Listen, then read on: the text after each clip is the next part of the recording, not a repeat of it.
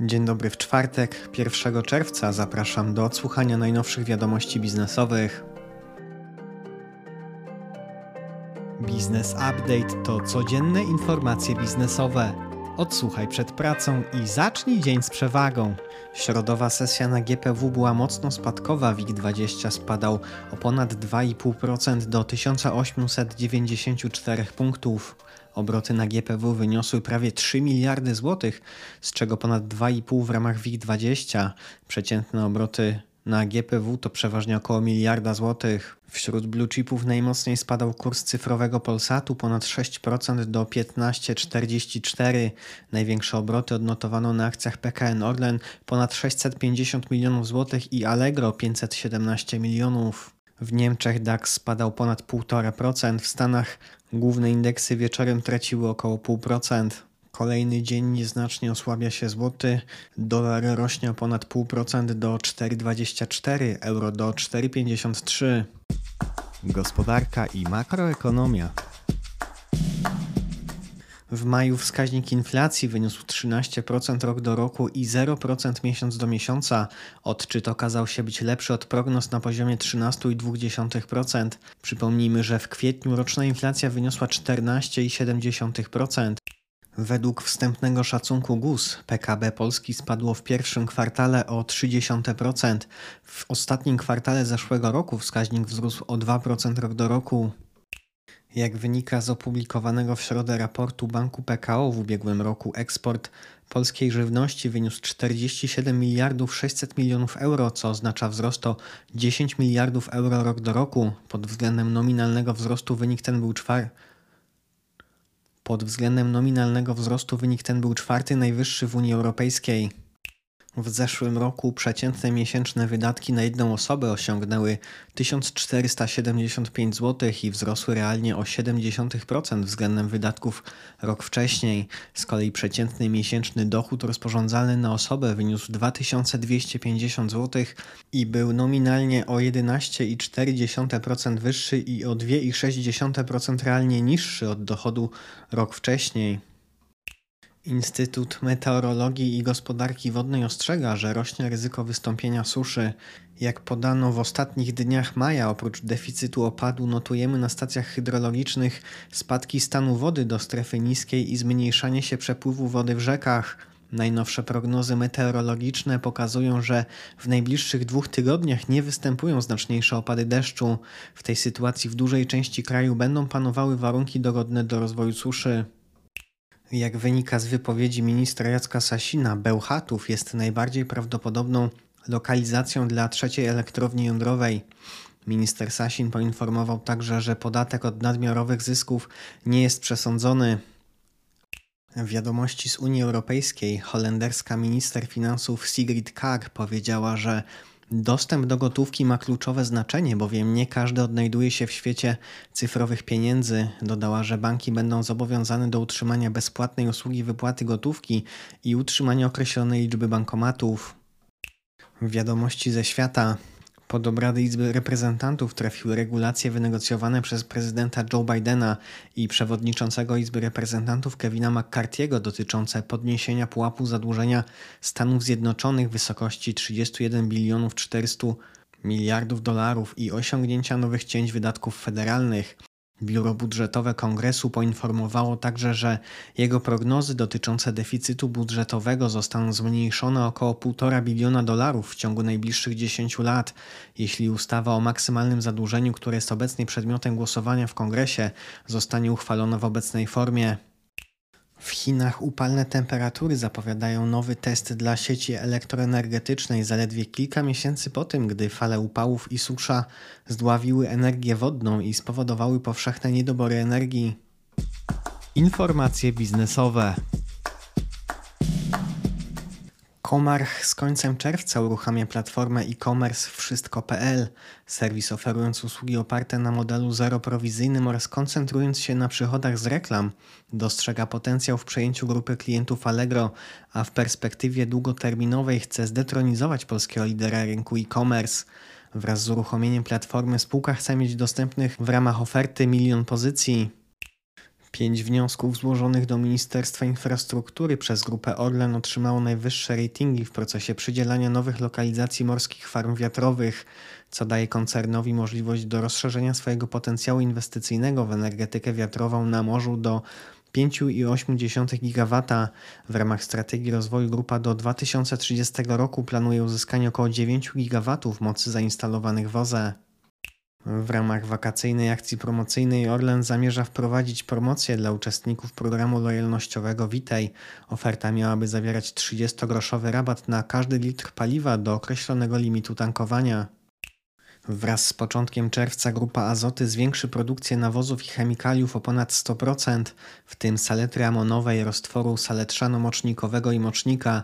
Decyzja wynika z poprawy sytuacji na rynku. Prezes Marcin Kowalczyk wyraził nadzieję na stabilizację rynku surowców energetycznych, co pozwoli na przewidywalne cykle cenowe dla klientów. Polska firma z sektora technologii kosmicznych Creotech Instruments zawarła umowę z Exolaunch GmbH, niemiecką firmą zajmującą się obsługą kampanii startowej dla satelity Eagle Eye. Wartość umowy wyniosła 641 tysięcy euro. Start rakiety, która ma wynieść satelitę na orbitę, będzie realizowany przez amerykański SpaceX i przewidziano go na przyszły rok.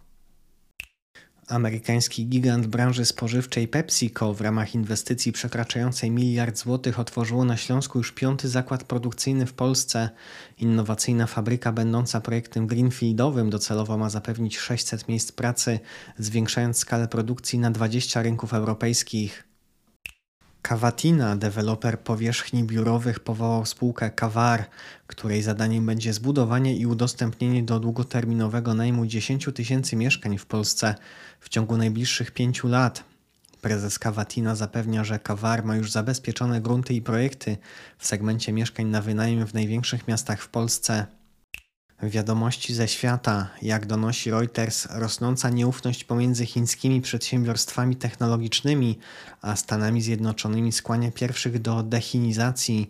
Z powodu narastających napięć handlowych między Stanami a Chinami, niektóre chińskie firmy zaczęły zakładać swoje siedziby za granicą, aby uniknąć uwagi amerykańskiego rządu. JP Morgan utworzył jednostkę o nazwie 23 Wall, której celem jest obsługa najbogatszych rodzin na świecie w zakresie zarządzania majątkiem. Jednostka zarządza środkami ponad 700 rodzin o łącznej wartości przekraczającej 4,5 biliona dolarów. Szefowie najważniejszych podmiotów na rynku AI, w tym CEO OpenAI Sam Altman, zwracają uwagę na rosnące ryzyko wynikające z rozwoju sztucznej inteligencji. Eksperci przyrównują potencjał zagrożenia do skutków pandemii czy wojny nuklearnej. Fuzje i przejęcia, inwestycje i venture capital.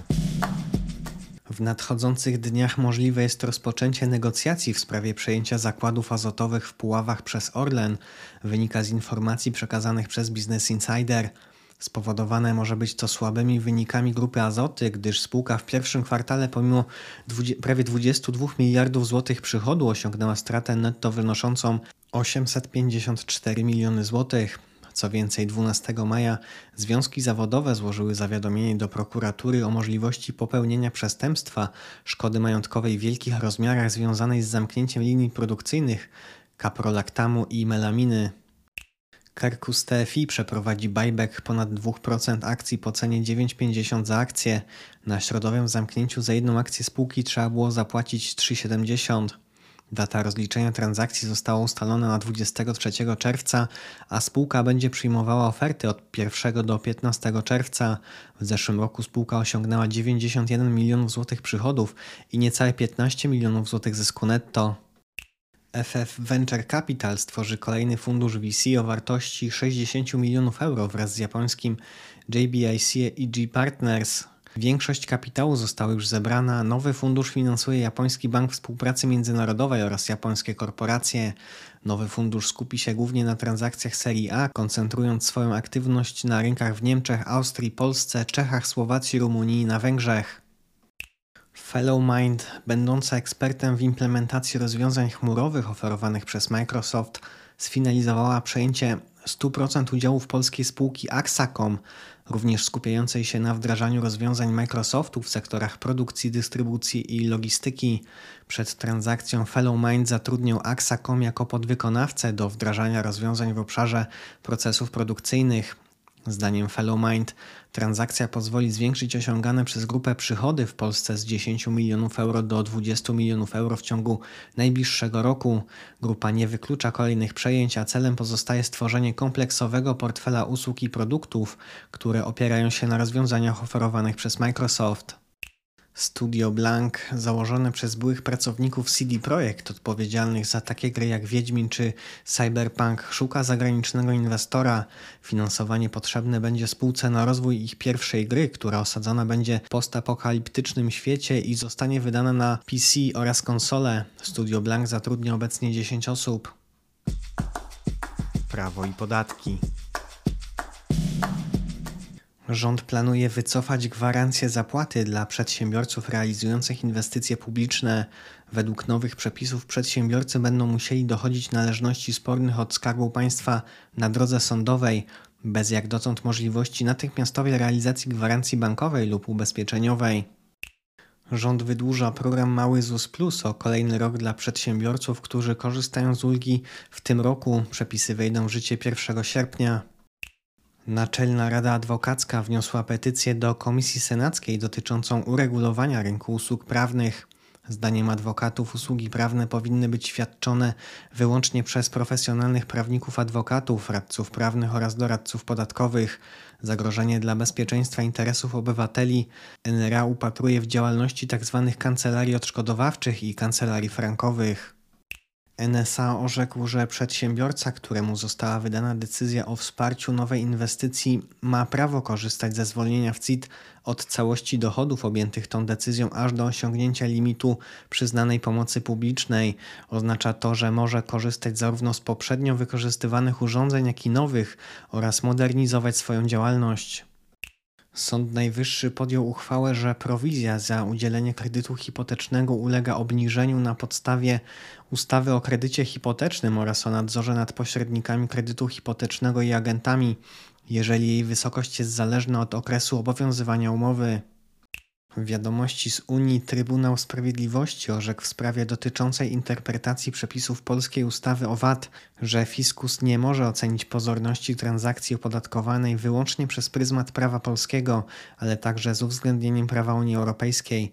Oznacza to, że jeżeli podatnikowi odmówiono prawa do odliczenia VAT z powodu zarzucenia, że transakcja była pozorna lub podjęta w celu obejścia systemu VAT, podatnik będzie mógł żądać wznowienia postępowania podatkowego. Wiadomości ze świata. Członkowie rodziny Sackler, miliarderzy właściciele Purdue Pharma, otrzymają pełne zwolnienie z wszelkich roszczeń cywilnoprawnych, obecnych i przyszłych w związku ze szkodami, jakie wywołał ich biznes opioidów na receptę. W zamian zapłacą 6 miliardów dolarów tytułem zaradzenia skutkom uzależnień, w tym od leku przeciwbólowego Oxycontin oraz za programy terapeutyczne.